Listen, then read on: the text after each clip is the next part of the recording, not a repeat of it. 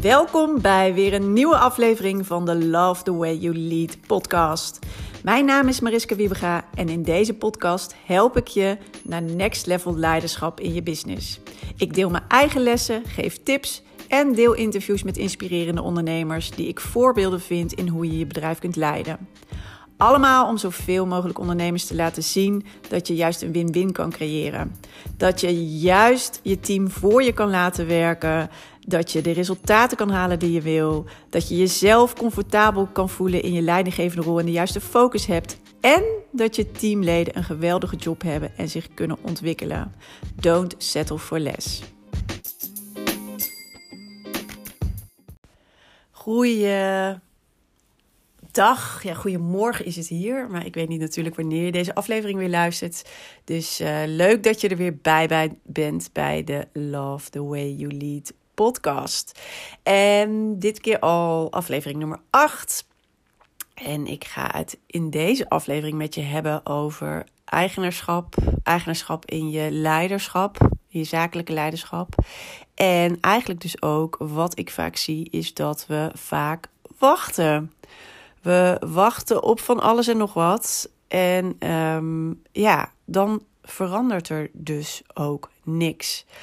Alleen als je op een goede en effectieve manier wil leiding geven. En als je ook uh, het belangrijk vindt, zeg maar, dat. Um, als het op dit moment in je bedrijf nog niet zo lekker loopt, of je zit nog niet lekker in je leidinggevende rol, je bent heel veel operationeel aan het managen en je vindt dat eigenlijk niet leuk. Ja, hoe zorg je dan dat je uh, de juiste stappen zet? En hoe zorg je dat je uiteindelijk krijgt wat je wel wil? En iets wat ons daarbij in de weg zit, is, nou ja, zoals ik het mooi noem, eigenlijk wachten. Um, wachten op iemand anders, tot die gaat veranderen. Wachten op de situatie of de omgeving die verandert. Uh, wachten op uh, het goede moment. Dat is ook zo mooi, hè? Alleen uiteindelijk kan je dan heel lang wachten. Want wanneer is dat dan? En wanneer gebeurt er dan wat? En uh, hoe weet je zeker dat dat ooit komt?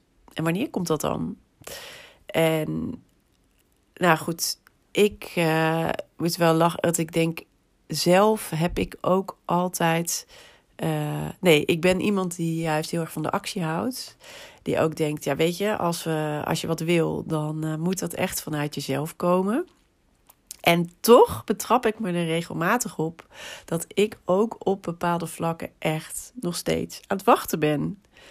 En uh, ik had ook van de week dat een klant. Nou ja, eigenlijk uh, was het niet alleen maar van de week. Maar de, nou ja, er gebeurden een aantal dingen de afgelopen weken.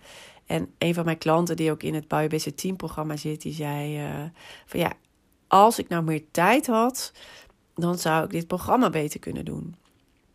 En toen dacht ik ook, ja, wanneer is dat dan? Maar het heeft helemaal niks met tijd te maken.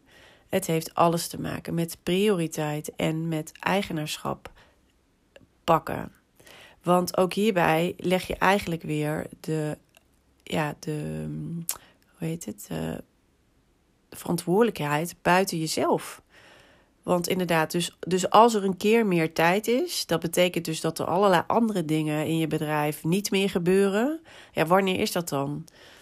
Wanneer gaat dat gebeuren? Dat gaat niet gebeuren als je zelf niet verandert. Dat heeft alles te maken met jouzelf, met de keuzes die je maakt, met het eigenaarschap wat je wel of niet pakt. Dus de verantwoordelijkheid die je volledig neemt of niet. En laatst las ik ook het boek van Byron Katie. De vier vragen die je leven veranderen. Misschien heb je hem al gelezen. Het gaat dan namelijk over de work. Daar heb je misschien wel eens van gehoord. En Byron Katie die stelt eigenlijk elke keer vier vragen bij ja, gedachten of overtuigingen die je hebt. En dan kan je onderzoeken zeg maar, of het waar is wat je denkt. Maar wat ze ook in haar boek zegt, en dat is eigenlijk iets, even iets wat hier wel heel mooi bij past, is je hebt in het leven maar drie zaken. En dat zijn, is de mijne, dus dat wat van jou is, van jouzelf. Die van de ander, dus de jouwe. En nummer drie, de realiteit. Oftewel dat wat is. De situatie, je omgeving, dat wat gewoon gebeurt en is.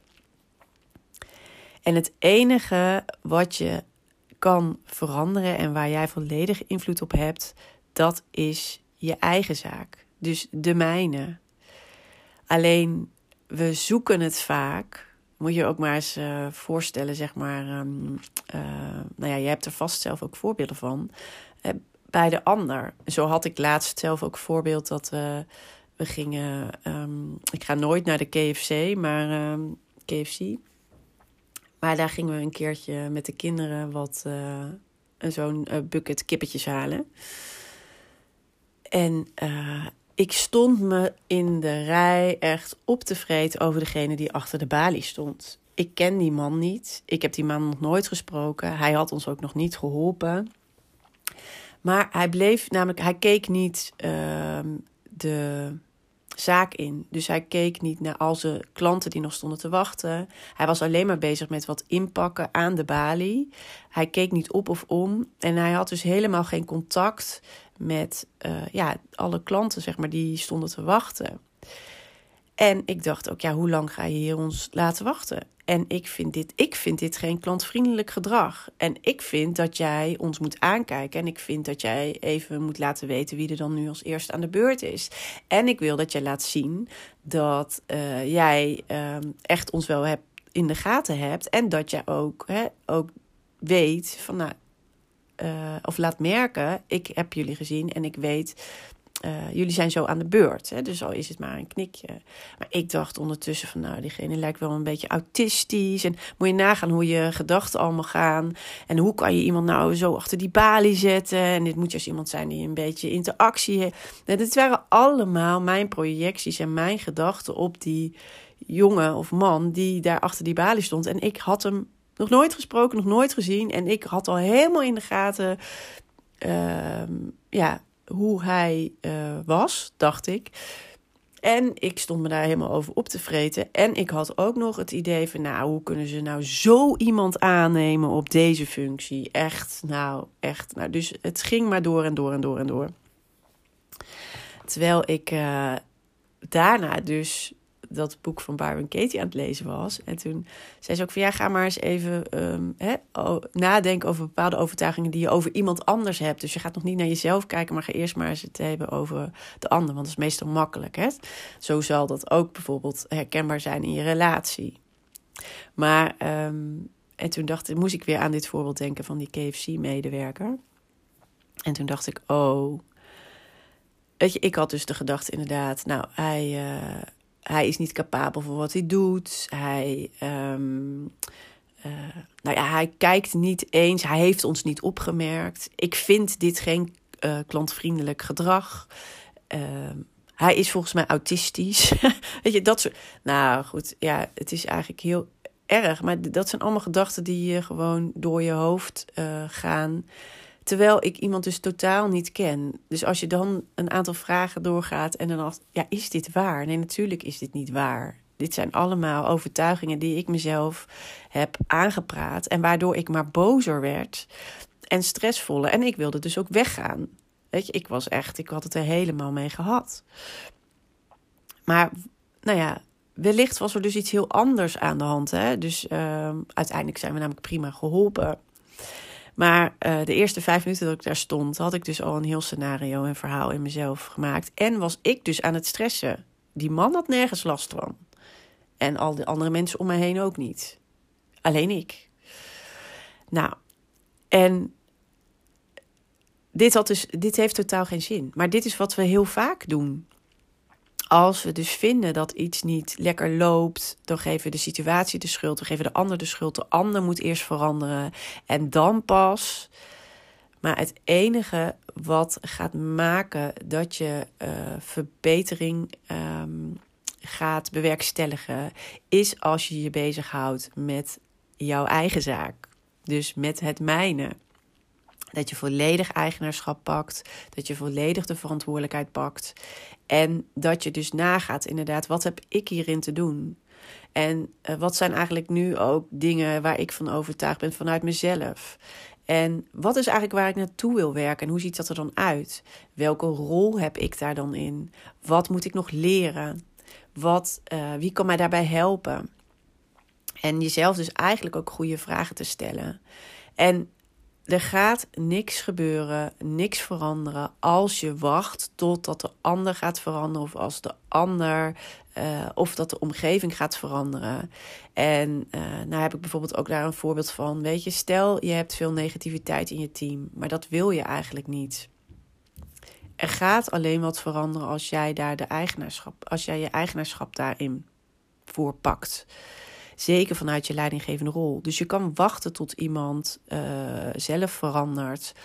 Als iemand een negatieve energie meebrengt, of altijd ja maar zegt, of altijd uh, nou, het met je oneens is, of altijd de discussie aan moet gaan, dan kan je wachten tot de ander verandert. Je kan wachten tot de ander weggaat.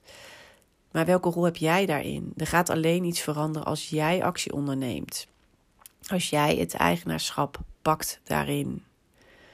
En hetzelfde geldt voor, um, ja, wil je um, uh, wat anders van jouw eigen rol? He, vind je nu bijvoorbeeld dat je dus inderdaad heel erg operationeel aan het managen bent? Vind je het niet leuk? Um, merk je dat je je bedrijf ook niet leuk meer vindt? Dan kan je wachten. Dan kan je heel boos zijn. Of je kan ook denken van ja, dat personeel is vervelend. Ik vind het een hele verantwoordelijkheid. Het werkt niet voor mij. Uh, ik, uh, ik weet niet wat ik nu nog moet doen. Want ik heb al van alles geprobeerd. Maar waarschijnlijk was dat heel, heel erg hapsnap. Oké, even terug ook weer. Nee, hè, heb, heb je het volledige eigenaarschap daarover gepakt?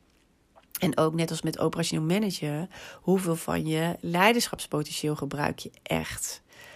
En uh, ben je inderdaad nu niet vast gewoon aan het zitten in de operatie en laat je dus heel reactief zeg maar de dag voorbij gaan? Oftewel, alles wat langskomt, wat opgelost moet worden, de brandjes die geblust moeten worden, de vragen die er zijn van medewerkers of van klanten, daar spring je allemaal op in. Of pak je echt de volledige verantwoordelijkheid voor je leiderschap. En zeg je: Oké, vanuit hier, als ik de volledige verantwoordelijkheid pak, wat heb ik dan te doen? En dat is niet als kip zonder kop zeg maar rondrennen of in de waan van de dag elke keer meedraaien. Nee, wat gaat werken op de lange termijn? Wat is effectief? Waar voel ik me blij bij? hoe uh, kan ik die rol aan de ene kant zeg maar effectief invullen? Dus hoe weet ik wat werkt? Maar aan de andere kant ook, wat werkt voor mij? Wat, wat vind ik prettig? Dus ook naar jezelf kijken van wat werkt wel en niet voor mij. En dan kan je, als je dat doet, kan je ook die situatie daadwerkelijk verbeteren. Dus mijn boodschap van deze uh, podcast is: we wachten heel wat af. En misschien herken je het ook wel. We doen het op allerlei vlakken in ons leven. Maar met dat wachten tot iemand anders verandert, tot de omgeving verandert, daar bereik je niks mee. En juist door je eigen eigenaarschap te omarmen, de verantwoordelijkheid volledig te pakken, vooral ook in je leidinggevende rol, dat gaat alles veranderen. En dat gaat maken dat het een stuk soepeler gaat lopen. Dat maakt dat jij je veel fijner gaat voelen in je rol. En dat maakt ook dat um, ja, je je bedrijf gewoon weer leuk vindt. En dit is gewoon heel goed mogelijk. Stel, ja, pak dus de verantwoordelijkheid. Stel je prioriteiten. Uh, ja, en kies heel bewust voor dat wat je wel wil bereiken. En ook welke stap je daarvoor moet nemen. En ga daar volledig voor. Want dat is waar je de invloed kan uitoefenen. Dat is wat je verder gaat brengen. En dat is wat jouw bedrijf en je team ook verder gaat brengen. Dus pak gewoon de volledige verantwoordelijkheid. En stop met wachten.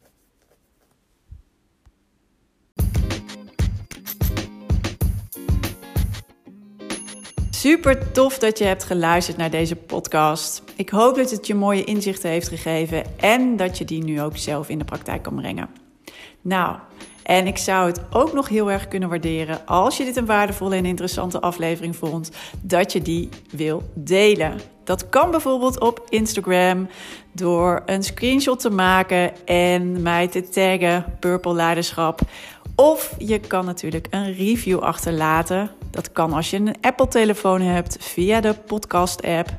En uh, je kan daar je sterren achterlaten en ook wat je interessant vond aan de podcast. En heb je een Android-telefoon, dan kan je dat doen via een Google Review. En uh, schrijf even wat over de podcast. Geef hem ook een aantal sterren en wat je ervan vond. Ik zou het heel erg kunnen waarderen als je de tijd en moeite neemt om dat te doen. Dus hierbij al. Dank je wel daarvoor. En ik zie je heel graag, of hoor je heel graag, de volgende keer weer bij een volgende podcastaflevering. Fijne dag nog.